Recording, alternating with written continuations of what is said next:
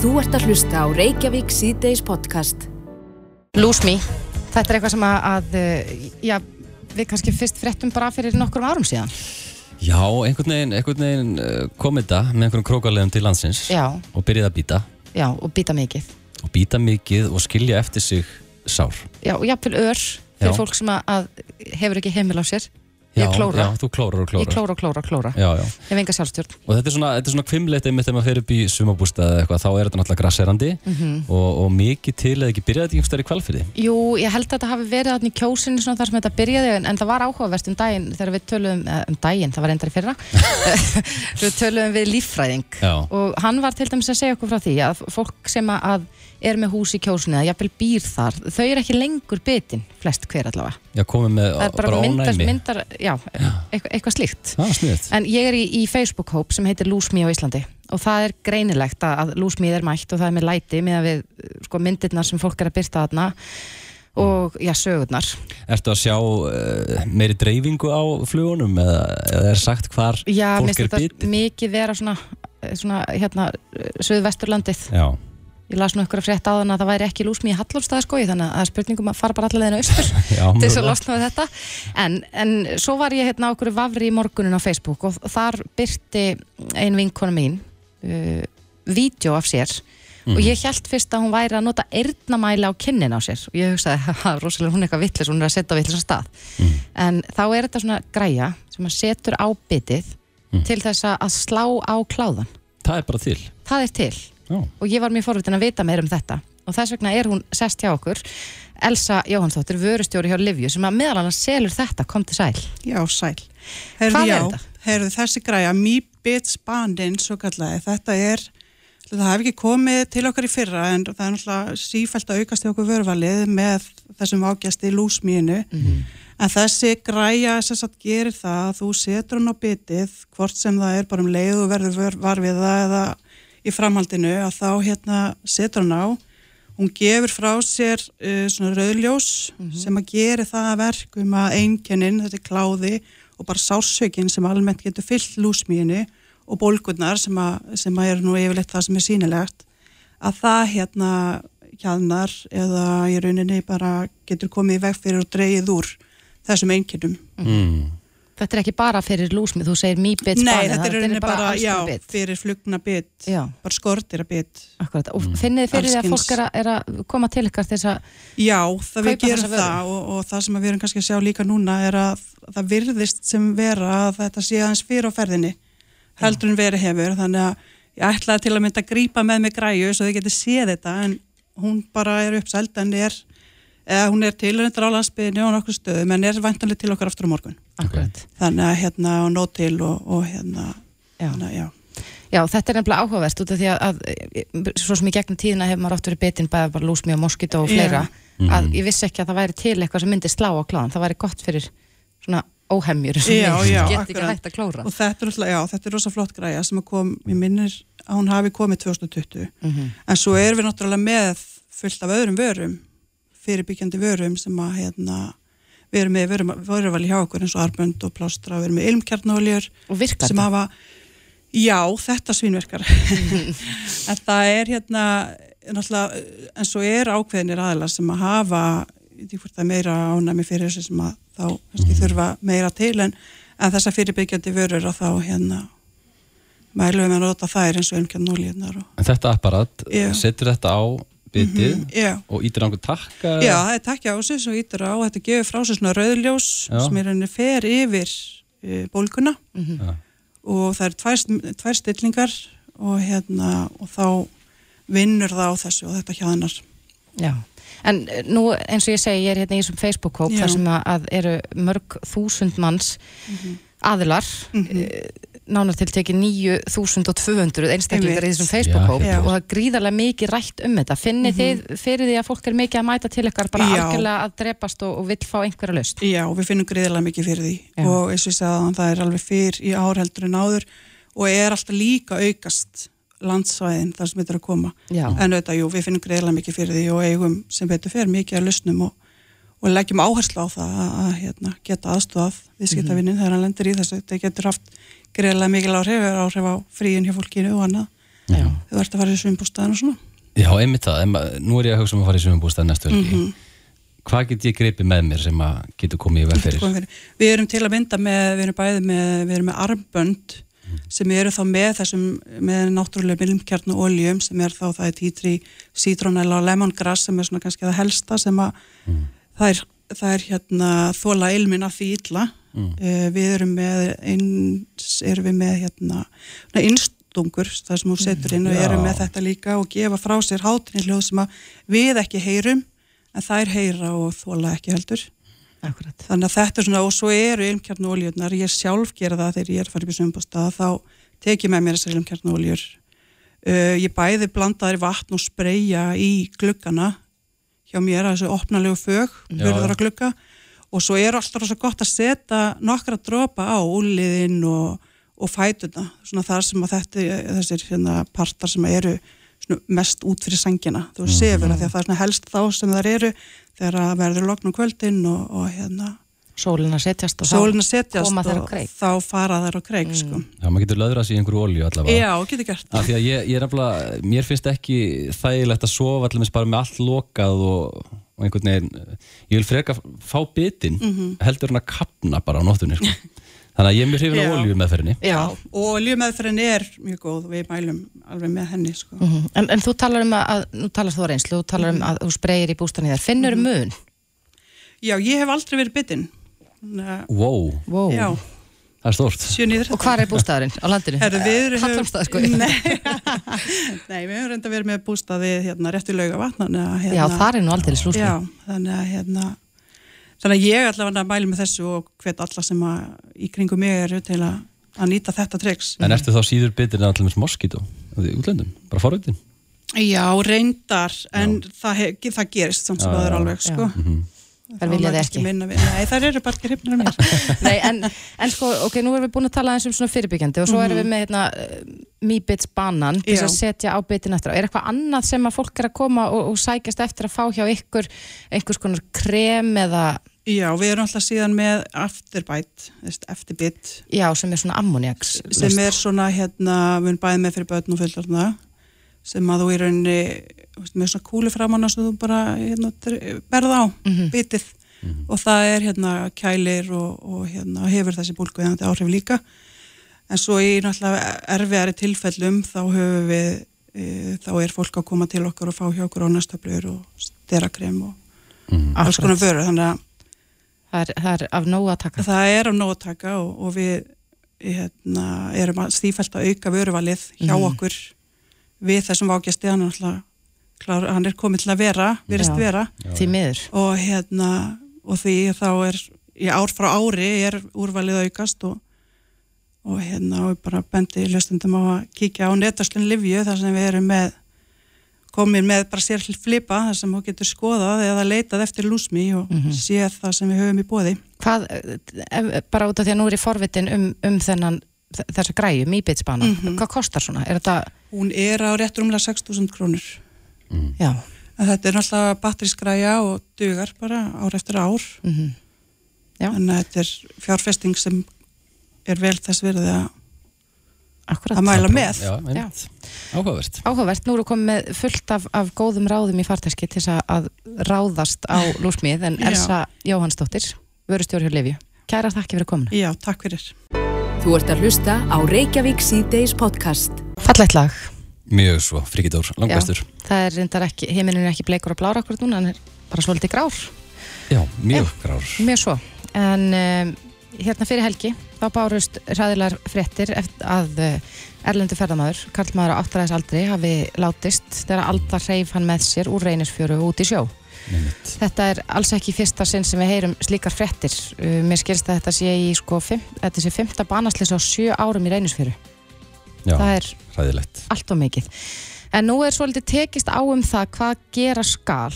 Um, Lili Alfredsdóttir, viðskipta og menningamálur á þeirra, hún talar um að, að það sé hennar skoðun allavega, að það verði hægt að loka ferðamannastöðum á borði reynisfjöru ef svo byrjundir. Mhm. Um, en það er spurning, hver, og nú er, staðan er núna þannig, er nú ekkert svo langt síðan ég fór síðast í reynisfjöru, að, að það eru stór svona viðvörunarskilti uh, sem vara ferðamenn við og mér skilst að í þessu tilviki að þá hafi uh, þe- þeir sem að skipiluðu ferðina Ferða þjónustan ferðið þjónustana verið búin að sko vara fólk sérstaklega við en það virðist ekki duga til hann er sestur í okkur Eithor Víðisson, öryggisfræðingur Góndur sæll. Já, sælblessu. Já, Eithor, hvað er hægt að gera í, á svona stöðum? Sko, þetta er náttúrulega rosalega einhvern veginn tilfinningaríkt maður sér á netinu að fólk er bara svolítið að missa sig í svona alls konar úrræðum og, og, og lausnum. Uh, ef við hörum bara í fæið, hvernig að tryggja öryggi fólks, að þá uh, fyrsta reglan er alltaf svo að allavega taka til umræðu og skoðunar að hætta að gera viðkomandi hlut. Sem sagt, að loka. það væri þá fyrsta hugmynd sem að, ég er ekki að segja sko að, að, framkvæma það strax, heldur að ræða bara svona rólega að loka þessari fjöru og þá koma hugmyndur upp eins og já þá faraði eitthvað annað. Já, já, já, þá faraði bara eitthvað annað. Þá þarf bara að skoða þá fjöru. Vi, við getum ekki banna hluti að því að fólk gera það hvort þið er. Það virkar ekki þannig. Suma hluti þurfum við bara að banna til að fólk gera þá kannski síður. Akkurat. Nú, ein pælingin ég sá á netinu núna, eh, var eitthvað að tjá um þetta og sagði, akkur ekki þá bara að loka Vesturlandsvegi, það degi alltaf einn eða tveir þar. Þetta er allt unnur umræða sko. ef, ef við lokum vegum og þá náttúrulega töpum við líka bara lífsgæðum og það er kannski bara degja fleiri, að þeir komast ekki á sjúkur og svo framins, en það er aldrei, alls ekki sambarlegt Nei. uh, taka umræðan um að loka þessari fjöru, taka hana bara af álfuru uh, sveitastjórin er sem sagt segir í viðtali að uh, að loka sér full harkalegt. Og þá spyr ég bara harkalegt fyrir hvern? Það er allavega ekki harkalegt fyrir þessar fimm sem eru látnir og aðra sjö sem að lendu hann í alvarlegum atveikum á síðustu árum fyrir hva- hvaða hagsmunir eru þetta eiginlega spyr ég sko, hver græður á þessari fjöru Já. Jú, þetta er náttúruperla, alveg klárlega, ég hef komið þarna og við kannski öll. En það eru girðingar við Gullfoss, það eru girðingar við Geysi, það eru reypið við Dettifoss og svo framvegis og svo framvegis. Það eru, það eru stýringar, raunverulega stýringar við alls konar náttúruperlur. Skilti duga bara ákveð mikið og í fræðunum eru skilti eiginlega síðasta sort. Er það bara vægast úrræð? Já. Já, en nú hefur líka verið talað um það að það var búið að fjármagna sko einhverja tillögur að úrbótum en, en einhverju landegundur mótmæltu mm. væri hægt reynilega bara að, að ríkið taki fyrir að, að þetta sé ferðamannastæður Ég sko, ég, sko þetta getur örgulega verið fermannastæður. Við þurfum bara að skoða aðra leiðir, skilti dög ekki. Það, ég held að það sé alveg orðið ljóst. Mm Mannshugurinn er þannig að hérna, sko, við erum að tala um ferðamenn sem er að koma frá löndum, þetta er fólk sem hefur aldrei séð sjó. Skilji, við, við, við, þau skilji ekki og þau bara, þetta er fólk sem að kemur kannski frá siðmæntuðu löndum Ástralíu, Bretlandi, Bandaríkjum þar sem að öryggismál eru kannski bara aðeins herra leveli og þau eh, lifa þannig lífi að ef þeim er hleyft ekkert þá er það þokkalega örugt ef það er hættulegt að vera eitthvað þá er búið að loka því eða breyta því og stýra því, skiljum við hverju fara. Þannig að við getum ekki treyst bara á eitthvað fólk trúi að því að fólk sem lendir í hættu, hvort sem það er vinnuslis eða í umferðarslisi eða eitthvað það vaknaði allt um morgun og hugsaði ég er örugur í dag eða örug í dag. Ég, það fer enginn út í fjörun að haldanda og hún sé hættuleg. Skiljum við hverju fara, þannig að við, við þurfum að taka þetta svona raunverulega, þessi skiltir ekki virka. Þetta er náttúrulega fjara, er einhverju, einhverju móti hægt að girða þetta af? Ég held að það sé mjög erfitt, þetta er sandur og laust og ég hef ekkert tíma nátt samtala ekkert verkræðing um þetta og það, þetta er sumu veðrum þá fer sjórin bara verulega hátt upp. Það er líka hugmyndur um eitthvað svona pallakerfi þar sem bara ferð svona byrjun á fjörun þá ferð upp á eitthvað svona eins og sólpall sem væri kannski mm. 3000 fermetrar. Uh, það er eitthvað undistur, það eru vantalóni sand, ég, núna aftur, ég er ekki verkræðingur, en það er allir fjárin, það er þetta að senda jeppa til Mars, skiljið það er allt hægt þetta er spurningum hver borgar. Og við, það þarf ekkur að fara að taka ábyrð á þessari fjöru, þegar það viðist engin það eru hundra landegundir á þessu landi. Uh, ríkið ræður ekkuru uh, sveitastjórnin ræður ekkuru landegundir ræður ekkuru það þarf ekkur að fara að taka ábyrð á þessu og bera ábyrð á þessu. En, en þetta hlýtur að vera sko, nú erum við alltaf að heyra af uh, annarkvort alvarlegum atvikum mm. eða döðsföllum Mm. E- hvað segir tölfræðin okkur um þetta? Er, er þetta er þetta hátt hlutfall sko af fólki sem kemur ég veit ekki hvað fjörur eiga að vera hættulegar. Ég, bara, ég veit bara að við sætum ekki að við verðum að ræða þetta ef þetta verður allt íslíkar Nei, það er bara þannig, það verður búið að loka þessari fjöru ég segi það bara hér og nú. Þetta er bara fólk sem við þekkjum ekki og vitum ekki hvað er og það kemur með pening og það er einhverjir hagsmunir í gangi held ég, bara svona yfir höfuð. Við viljum fá fólkingað við viljum ekki loka bara af því að eitthvað gerist en þannig erum við farin að sjá bara hvað er minnstur og við þurfum bara að fara að íhuga verulega hvað við ætlum að gera. Uh, við þekkjum það erlendis frá, við kannski öll farið til Teneríf og Spánar og eitthvað. Og það er ákveðin kerfi á ströndum. Rauðfáni, gulufáni, appilsinu gulu, svartur fáni. Þetta þekkja flestir og virða en það ég veit ekki Er þar þetta, sko. er, er mitt þetta spá bara fyrir öldu hæðið það ekki? Og þess að þar Já, það fór hann 2016 og þá var, hefði kerfið aldrei látið vita sko. Það, það var fínt í sjóin og gott veður. Já, þannig að þessi fjara er bara yfir höfuð hún er hættuleg. bara varasum og í, í, í, í vestafalli hættuleg. Auðvitað hjálpa, ég myndi halda að næsta skrif væri einmitt að miskilsta vegagerðin sem tilbúin með svona öldurspákerfi og viðvörunarkerfi, það vantar að útfæra hvernig það er lát, látið vita og einhver fór að pæli og hver og þá setur fánan það veit engin borgarferðir þar, það er alveg ljóst. Og hérna sínismanni, svo er ljósakerfi flaggkerfi, þetta er allt hægt. Það þarf bara að fara, ég held að ráðherran með hérna ráðherran er á sama mála og ég uh, að það þarf að fara að gera eitthvað að taka þetta festu hvort sem það er að loka eða ekki, það er kannski fyrstu viðbröð bara þegar maður, þegar maður færi upp í koka þá einhvern eru fyrstu viðbröð bara, heyrðu, skulum hætta þessu. Uh, það er verið að býja eftir átomatinu það er búið að býja eftir í þrjú ár. Já, er ekki til áhættum Jú, það, það er annarkvort verið að býja eftir að það sé gert eða það er búið og það einhvern veginn einhver situr á því ég myndi vilja loka þessari, strönd, eh, þessari, þessari fjör á meðan átomatið runni þá kannski kemst einhver hraði í það og loka bara meðan að úrbætunar eru gerðar. Já, en þetta getur líka haft bara greiðarlega slæm áhrif á okkar orðspor Já, uh, vegna þess að, að, að slist þarna eru það tíð. Já, við, ég googlaði þetta bara í morgun og á ennsku og það bara koma bara fjölmarkar síður upp sem vara við þessari fjöru. Svo fór ég á lista yfir tíu fallistu stendur, eða fjörur í heimi og hinnar nýjur allar guttfallegar og rólegar og heiðblár sjór og þetta er bara vara sem har aðstæður. Það er ekkert annað. Akkurat, þannig að þínum að þá ætti að, að, að ég allavega að loka á meðan að áhættum að þetta er gert. En, Ég myndi loka á sko, ég myndi kannski bara opna, sko, í staðin fyrir að segja hvenar við að loka, þá myndi ég loka og segja hvenar getum við opnað yfir daga, einhverja daga. Við getum lokað bara, við getum opnað kannski bara núna á morgun, þar er spáinu góð. Frekar að horfa, sko, ef við ætlum að setja mannslíf ofar í rauninni peningum, að þá þurfum við að loka þessari fjöru og hugsa hvernig getum, hvernig getum við opnað hann aftur. Í staðin fyrir hvernig getum við lokað henni. já, akkurat, það snúið svo við. Við þurfum að láta mannslífið njóta vafan. Já.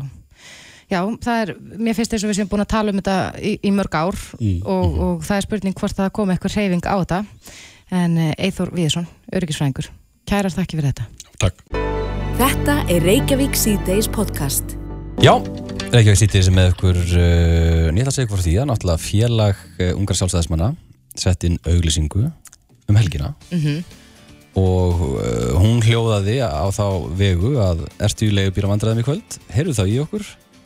Vegna fordæmalus ástands á leigubílamarkaði hefur samband ungar sjálfstæðismann ákveðið að bjóða upp á skull Já, þetta fór já, svona öfugt ofan í marga kannski sérstaklega legubílstjóri, við heyrðum það hérna áðan í símatímanum þegar hann Valur, legubílstjóri, hringdi hérna og hann sagði orðrétt að hann var í rasandi yfir, yfir ungum sjálfstæðismönnum um síðust helgi. Já, um, og, og já, reyndar lagði til að, að legubílstjóra myndi nú bara arka neyri valhöll og, og uh, Já vinna, vinna þeirra störf. Hvernig væri það? Já, en, en þetta var gjörningur sem að, að eh, margir tóku eftir. Ég var sjálf í miðbænum um helgina og sýstir mín hafði séð þessa auðlýsingu og sagði þegar við vorum að leita leigubíl þá sagði hann kannski ættum við bara að ringja í unga sjálfstæðismenn en ég vissi ekki hvert ég ætti að ringja svo fekk ég leigubíl Já, já, já, Þannig að þetta já. en þær eru sestar hérna hjá okkur uh, tvær konur, Lísbeth Sigurðardóttir og Birta Karen Tryggvadóttir komið sælar Takk fyrir. Takk fyrir. Hvernig, eh, byrjum á byrjunu, hvernig kom þessi bara hugmynd til ykkar? Um, þetta hefur svona verið baráttumál hjá SÚS mjög lengi. Uh, svo laði Sigur Ingi hérna fram frumvarp nýlega.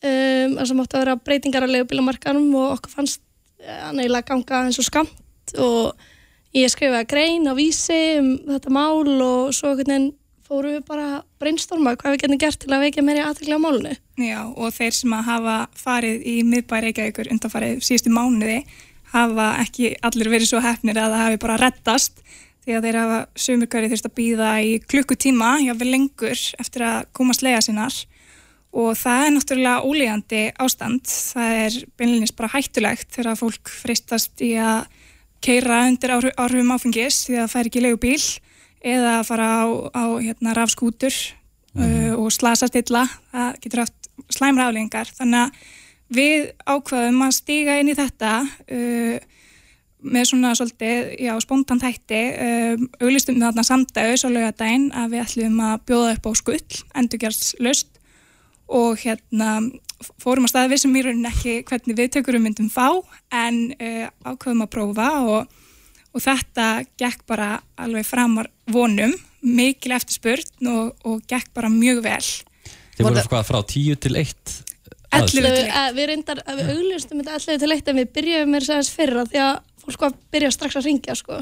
Já, Þannig að við, hvað, svona allir byrjuðum við Já, en voru það á einum bíl? Nei, við vorum með nokkra sko. Nokkri raukumenn, Og Hvað við haldið þetta að vera margir farþegar sem að þeir voru að ferja þarna?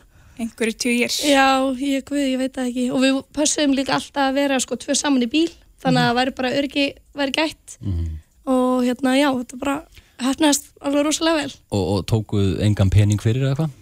Nei, en við tókum mútið frálsum framlegum Það var sérst ekki skilda, bara eh, alls engin skilda að, að hérna, greiða neitt fyrir farið en fólki frjálst að leggja þarna í sjóð sem að við vorum með, uh, höfum gefið út fyrirfram, við varum með uh, ákveðið svona markmið í huga að sapna fyrir erlendum umsækjendum um leigubílaréttindi sem að vilja sækja námskeið til öfnunar leigubílaréttinda en geta ekki vegna þess að það fer fram á íslensku og það er engin tólkaþjónusta í búði. Þannig að með þessu vildum við líka sína fram á svona ákveðna aðgangshindrun fyrir þá sem eru ennsku mælandi uh, og vilja, vilja starfa en geta það ekki. Að En þið hafið sagt að, eins og þú sagðir aðan Birta, að, að eh, frumvarp Sigur Ringa eh, gangi úr skamt. Hversu langt ætti það að ganga að ykkar mati?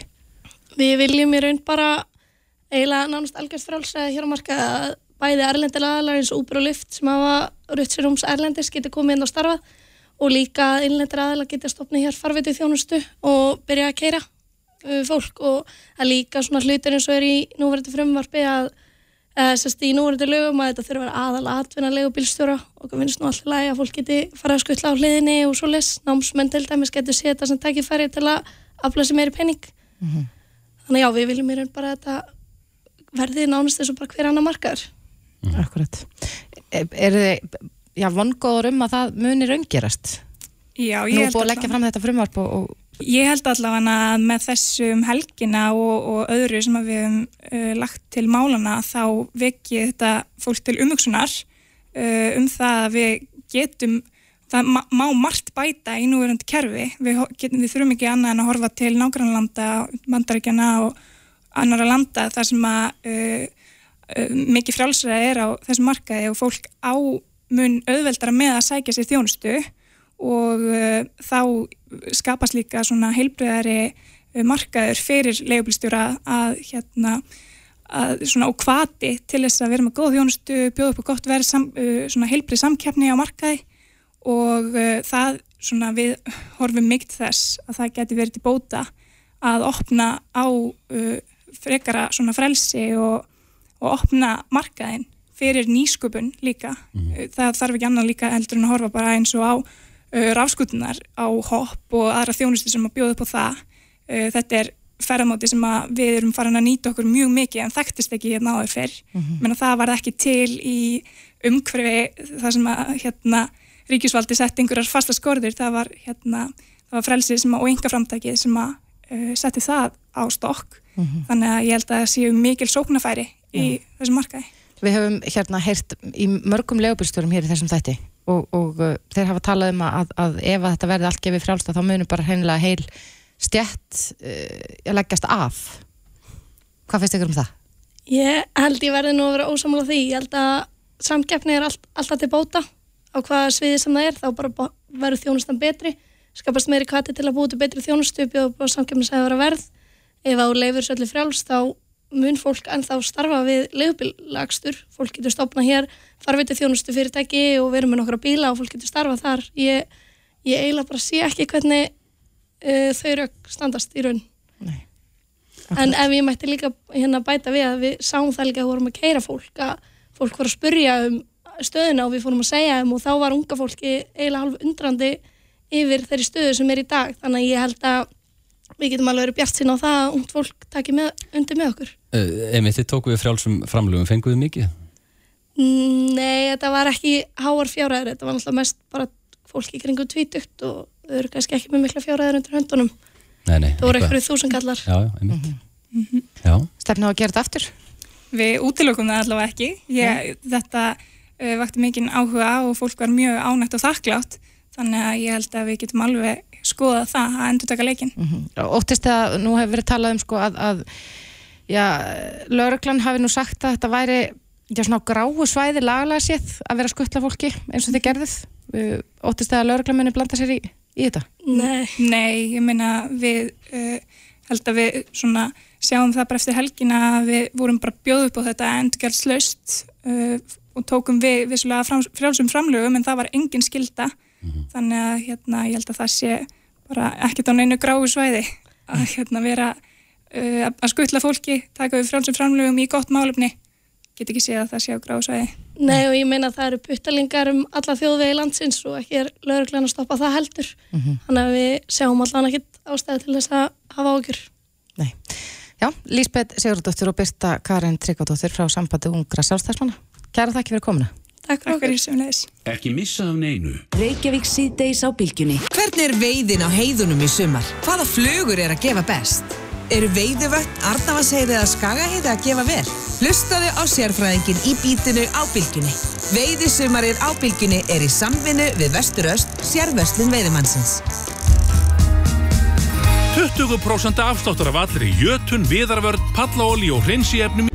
Þetta er Reykjavík síðdeis podcast. Jæja, nú ætlum við að snú okkur að, eh, já, tæknifrjókun. Þetta er eitthvað sem að, ég held að, að æ fleiri takast á við á það er fast lífsleginni. í, aukana. Já, og, og auðvitað hefur maður lesið allskinn sögur af, af raunum fólk sem að, að eh, nýti sér þessa tækni Mm og, og já, hversu líka bara erfitt þetta getur verið. Batnegnir eru flókið ferli. Já, já, tekur langan tíma það. og kostnaða samt.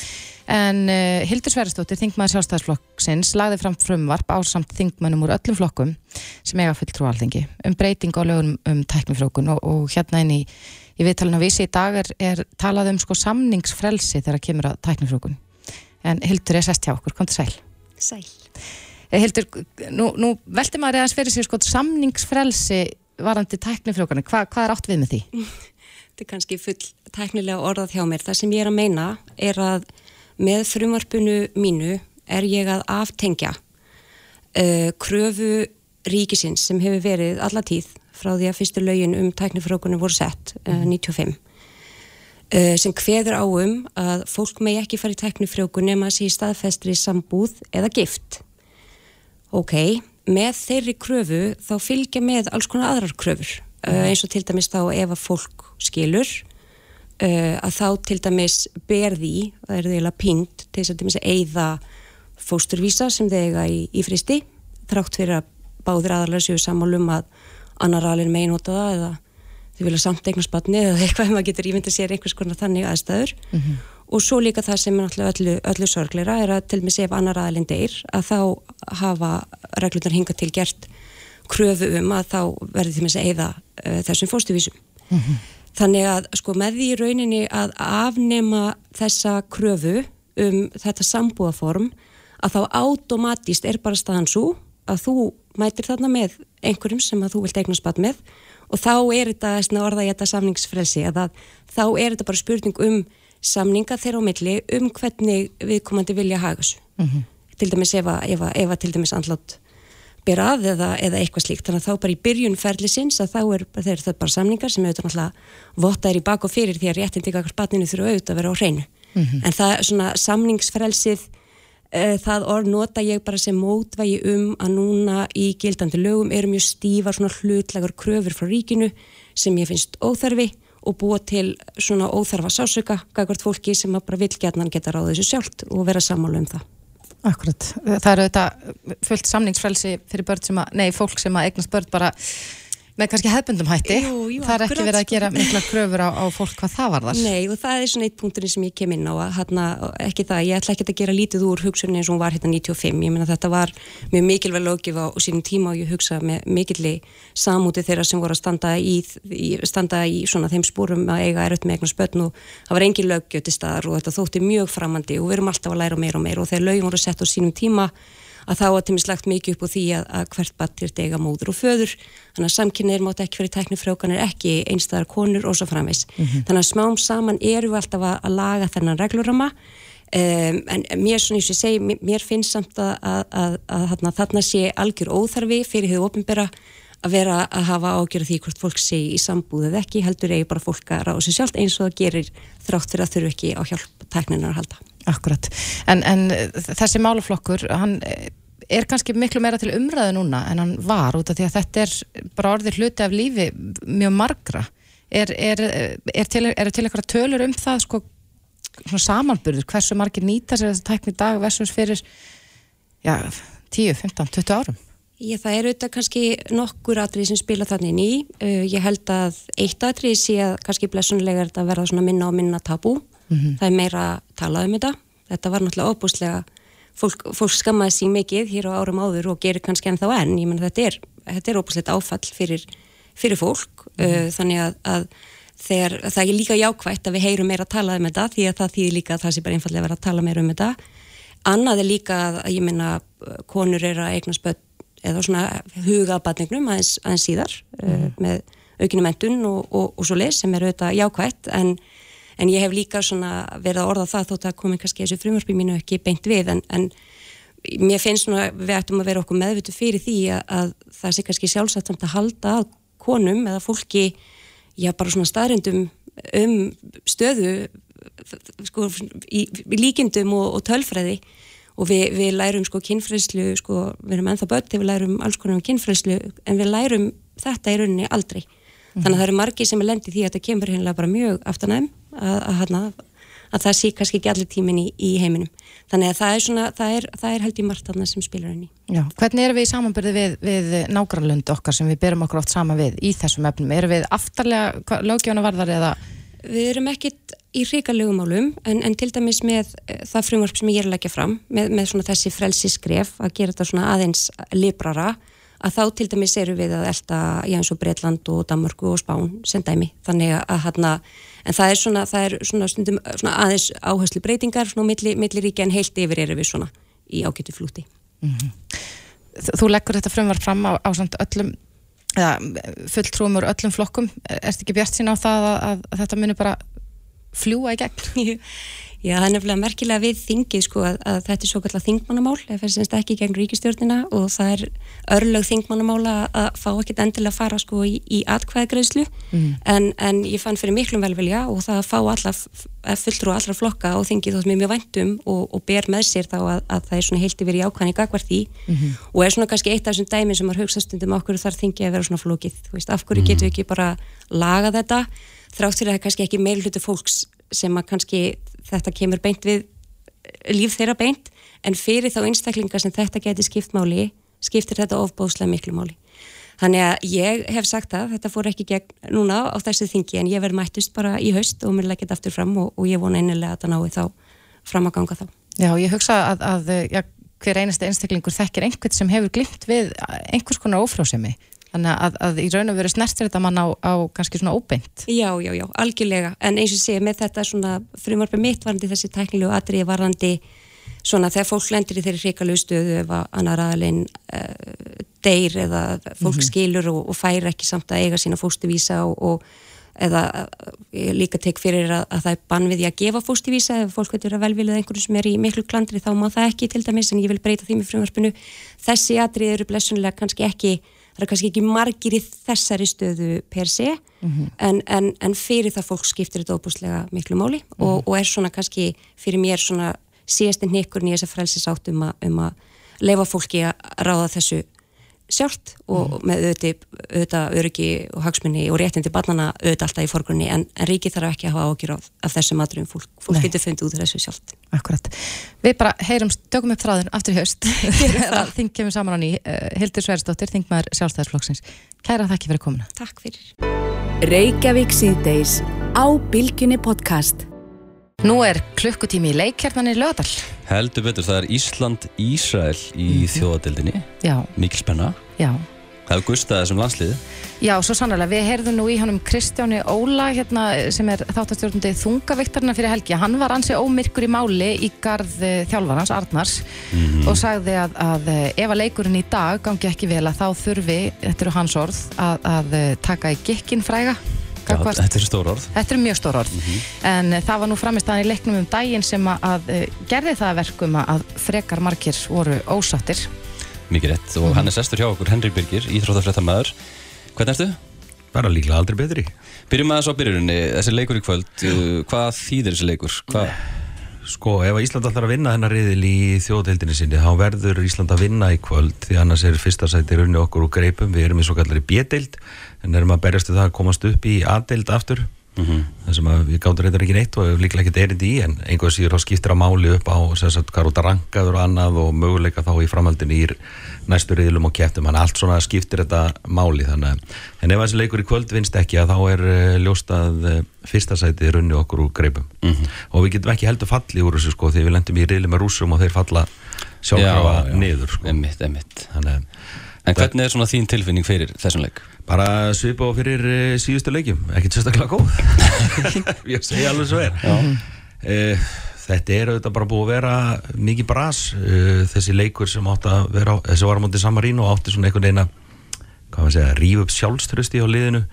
Skora fullt af mörgum, vinna góðan leik því að þetta lið hefur náttúrulega ekkert fundin en að sigur tilfinningu en einu viti sprakk í andlitið á mönnum því að framistæðan í, í þeim leik var auðvitað bara fyrir neðan allar hellur og eru nú algjör skandalli að liði gæti ekki neitt.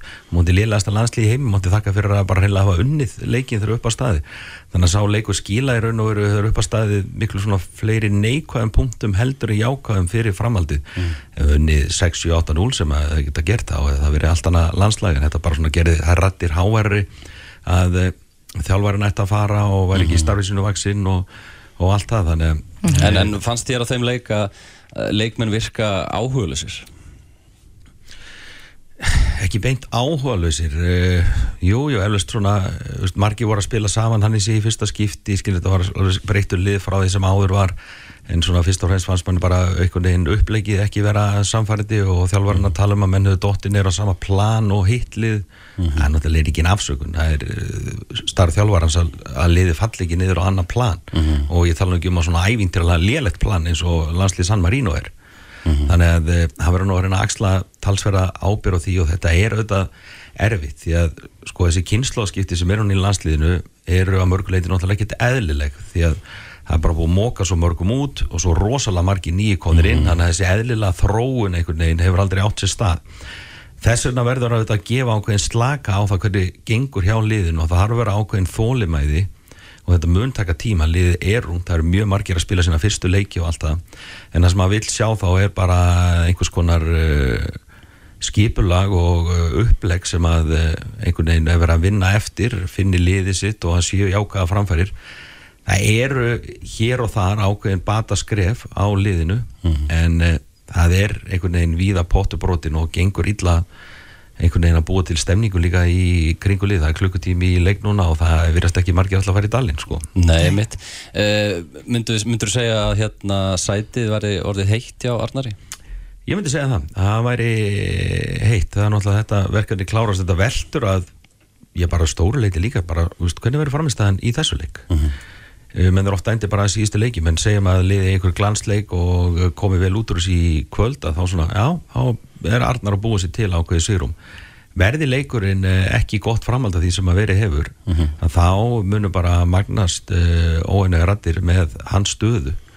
Og margir munur kalla eftir því að hann farið hann sé bara einfallega ekki á réttir leið með lið má ekki glemma því að þetta var auðvitað umdild ráning þannig sé á sínu tíma því að Arnar er náttúrulega að koma inn uh, reynslu laus sem þjálfari. Yfir maður knaspunumáli og knaspunni sambandinu frambaralegu maður að mörgu leiti en maður spyr sig ónættilega er aðal karlalandslið okkar, aðlandslið, er það uppbyldi stöð fyrir þjálfara? Nei, segi ég, við höfum prófað þetta áður með miður góðum árangri. Að vera að gefa mönnum raun og veru fyrsta tækifærið.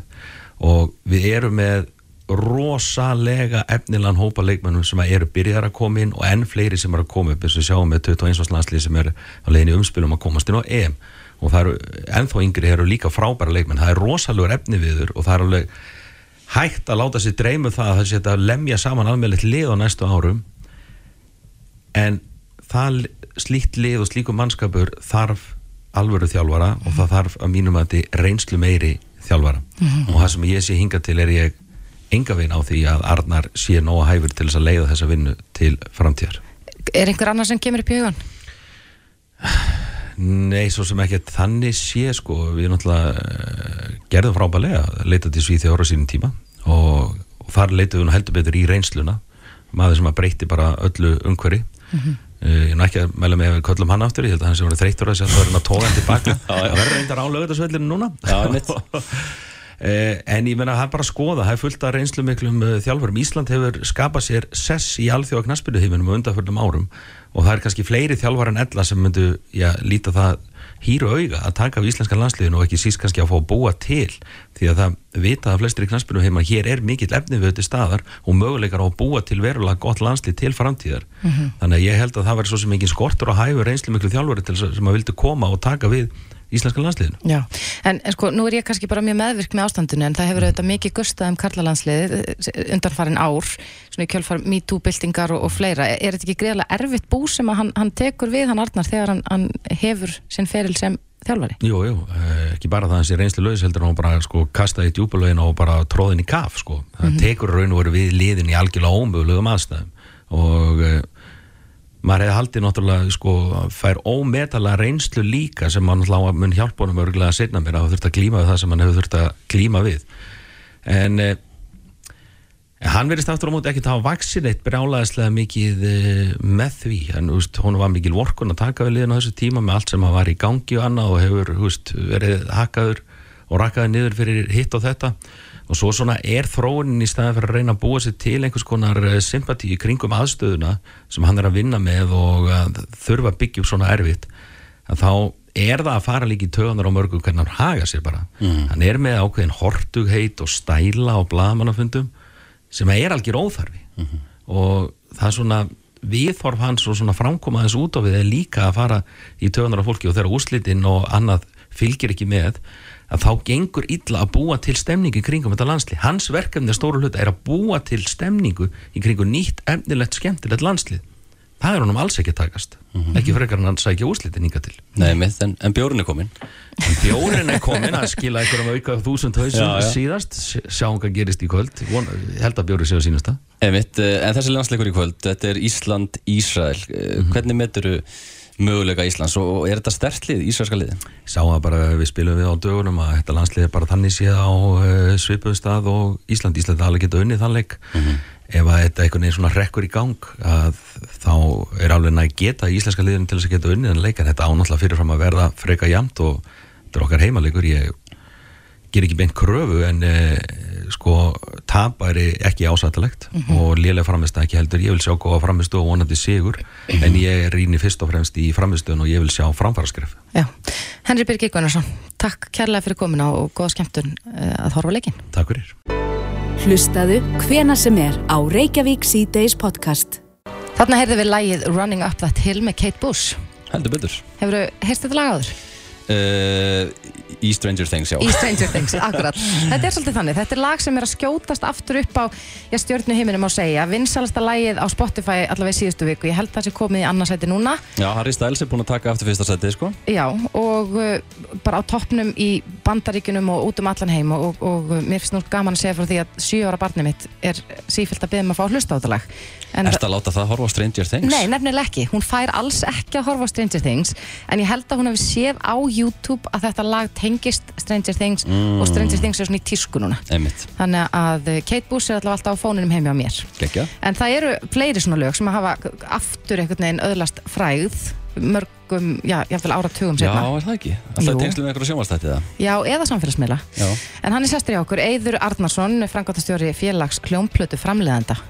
Og tónlistamæður mikill, kom til sæl eru, eru fleiri lög? Ég, svona einhvern veginn, þegar ég hugsa út í þetta áðan að þá datt mér í hug lagi Dreams með Fleetwood Mac sem varð aftur mjög frægt eftir, eftir eitthvað ofbáslega fallegt TikTok myndband af manni á, á hjólabretti. Já, einmitt, ég held að Dreams með Fleetwood Mac sé svona eitt þekktasta nýlega dæmið um svona muneldra lag sem að náði aftur verulegri hilli í gegnum samfélagsmiðla og gegnum TikTok sem að ég játa að ég veit ekkert um Nei, nei. Ekki. Nei, ég er eiginlega þar líka sko. En já, einhver gauður að, að, að drekka mjölkursjeika á hjólarkötu með eitthvað álíka Mhm. og svo bara endaði það meiri sem er því að Mikk Flítút sem er helmingurinn að Flítút Makk nafninu var búin að gera eigið TikTok-vídeó með læginu Já. og, og einhver óskaplegu fjöldi fólk þar á milli En þannig að, að svona tónlist sem að, ég meina til dæmis sjöra barni mitt hefði líklegast ekkert vitað af Kate Bush nema út af því að hún sér það í einhverjum svona tengingu við Stranger Things þannig að, að maður er kannski líka svolítið að fá nýja kynnslóð af hlustendum fyrir þessari eldri bönd sem að voru frábær á sín tíma og eru enn Já, ég, þetta er í rauninni búið að vera að gerast mjög lengi vegna þess að uh, bæði kvikmyndir og sjónvastættir uh, hafa í gegnum tíðina haft ábúslega mikil áhrif á hvernig jafnvel eldri lög eru endur uppgötuð Mhm. sem að leiðir reyndar huguna því hvað hlutverk þess sem velur tónlist í svona þætti og kvikmyndir getur verið rosalega valda mikið fyrir Mhm. tónlistabransan og margir flytjendur hafa bara upplifað bara eitthvað einhverja góðsentíði að nýju sem að var löngu liðin. En þetta, já, það eru fjölmörg dæmum þetta og, og sannarlega ekki bara tengt samfélagsmiðlum þó það sé mest ábyrjandi í dag. Mm En það eru þetta í já, bíomöndum og þáttum sem þetta Já, Já, og tengist oft tímbilinu sko. eins og Stranger Things er alveg niður njörfað í miðjan nýjöndu áratugin þannig að tónlistin sem er í þáttinu, hún þarf að passa. Og er það einmitt Kate Bush, er, er hún á hátindinum þarna eða eitthvað? Já, allir það ekki, ég, ég er nú þó ég sé ágættur, ágættur aðdáðandi Kate Bush, þá veit ég ekkert mikið um hana eða hennar feril en, en og er svona meira best of Kate Bush maður heldur, en, heldur en eitthvað annað Einmitt. en já, sko hún slæri gegn svona 79 78-9 með laginu Wuthering Heights Mhm. Sem er nú algjör snildarlag sem fólk ætti Það er frábært. ef, það hefur ekki hlustað á það nýlega mæla ekkert endilega með að að taka því karaoke en, en, en Nei, það er gott að hlusta á það En er þetta lag sem að, við erum að tala um hérna núna, er það ekkit eitt af þessum frægustu? Eða? Jú, jú, það er það En þetta er svona, kannski undir setni hlutana hennar vinsaldaferli mm. Ég held jafnvel þetta að segja af, af síðustu eða næst síðustu plötunni sem að svona náði einhverju almennilegri almenningsseili Mm. uh, Þetta er frá 84 eða 5 eða ekki? Eitthvað svo já. Og sko hún meiri segja á annað svona lag sem hefur vaknað á ný á, samf á samfélagsmiðlum nýlega og það er Babushka. Já, sem akkurat, að er svona kannski þriðja, þriðja lagið sem hún gátt sem var verulega vinsælt. Akkurat. Já, það er mjög, það er, ég heyrði það lag um daginn held ég bara, Já. veit ekki alveg hvar og ég, ég fatta ekkert að það væri Kate Bush sko, því að þetta er svolítið fyrir mínu tíð. Mhm. var ekkert, var ekki svona fætt þarna sko en, en, en já, en til dæmis út af núna eh, sá ég frétt um daginn það sem verið að tala um íslenska tónlistamenn og, og svona tekjur af tónlist. E- ef við tökum þetta sem dæmi er Kate Bush að fá mikið í vasan af öllum þessum spilunum? Uh, já, stuttarsvarið er já. Mhm. uh, og þetta er, þó þetta séu flókinfræði þessar streymisveitur þá, þá er þetta nú svona cirka bátt eins út um allan heim að 70% af uh, áskriftaverði hvers og eins áskrifanda rennur til höfunda flytjandi og útgefanda Já. uh, það getur verið mjög misjátt milli landa hvort að það er ein króna per spilun eða hálf króna eða jafnvel tíu aurar. Það fer svo mikið eftir hvað kostar. Eins og áskriftin að Spotify í Indlandi kostar kannski 100 kall. Já, Það er milli á landa, Já, það er mjög mismunandi Þannig að spilin á Indlandi er kannski ekki að skila Kate Bush miklu nei en spilin á Íslandi skilur henni með því mesta í heiminum per spilun Já, en við erum auðvitað að tala um svo gríðarlega mi- mikinn fjölda af spilunum þegar, mm Mhm. þegar þetta lag er að, er að skjótast á topplista út um allan heim Já, við erum bæði að tala um útastöðar, YouTube og, og hvað Já, er ég held að þetta lag, Running Up That Hill, er núna komin, komið bara aftur í reglulega spilun til þeim sá bylgjunni. Já, ég já. komst að því í dag. Þa, Það nefnilega hefur ekki alltaf gerst í gegnum tíðina með, með þegar að svona lög vakna úr einhverjum dvala Mhm. uh, og samfélagsmiðlarnir og, og streymisveitunar jafnvel sína hvaða er mikill spilinu í gangi á þessi eldri lög það hefur stundum ekkert fyllt í útvarpi Nei. þannig að það er mjög misjamt Mhm. En, eh, sko, en ef maður færir þetta yfir á Ísland, núna Mhm. er, er Ísland þetta bara lítill markaður og, og uh, ég veit að, við Íslandikar fögnum því öll þegar við fáum tónlist á íslensku Mhm. a, a, en, en hins vegar þá kannski borgar það sig ekkit endilega fyrir tónlistafólki út af því að þetta er svo þröngur markaður. Já, þetta er bara mjög breyttur heimur vegna þess að uh, við munum öll eftir plötum í einhverju formi sem er vissulega ennþá til, bæði vinil og, og, og geisladiskar og svona, en, en það er mjög, mjög langt frá því að ein seld plata uh, og hvað ég að segja, þúsund streymi nálgist hvort annað í, í virðinu sem það skilar tónlistamanninum. Mhm. það, er, það er nú bara sirka bátt þannig að ef þú ætlar að hætta við að kaupa eina plötu og hlusta í staðin á streymisveitum, Mhm. þá ætlar að hlusta á plötuna 200 sinnum til þess að jafna það sem hefði Já, gerst. bara frá upphafi til enda Öll lögin 200 sinnum til þess að jafna það sem hefði gerst Ah. kæft hana. Já, það er merkilegt. En, en hvernig, hver er þá hinn fullkomni tónlistar hlustandi?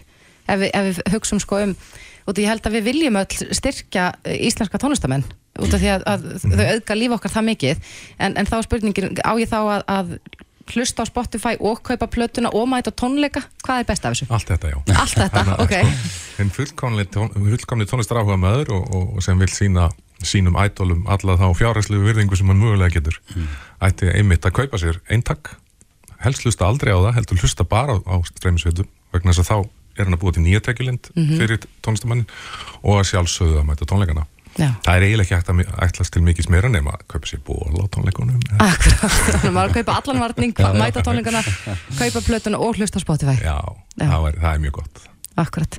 Já, þetta er merkilegt. Ég, ég hef allavega mjög gaman að þessu lægi og er, er, er mér finnst bara mjög fyndið líka hvernig tískan er að, að eh, Stranger Things er bara það vinsælt núna að börn sem megin svona horfa á þetta eru samt farin að hlusta á Kate Bush út af Stranger Things. Já. Já. Þetta er eitthvað svona áhrif sem maður skilur alla. og bara til lukku börn með það Já, nákvæmlega. Eidur Arnarsson, frangatastjóri félags hljómplötu framleiðenda. Kæra þakki fyrir komna. Takk, takk. Reykjavík síðdeis á Bilginni podcast.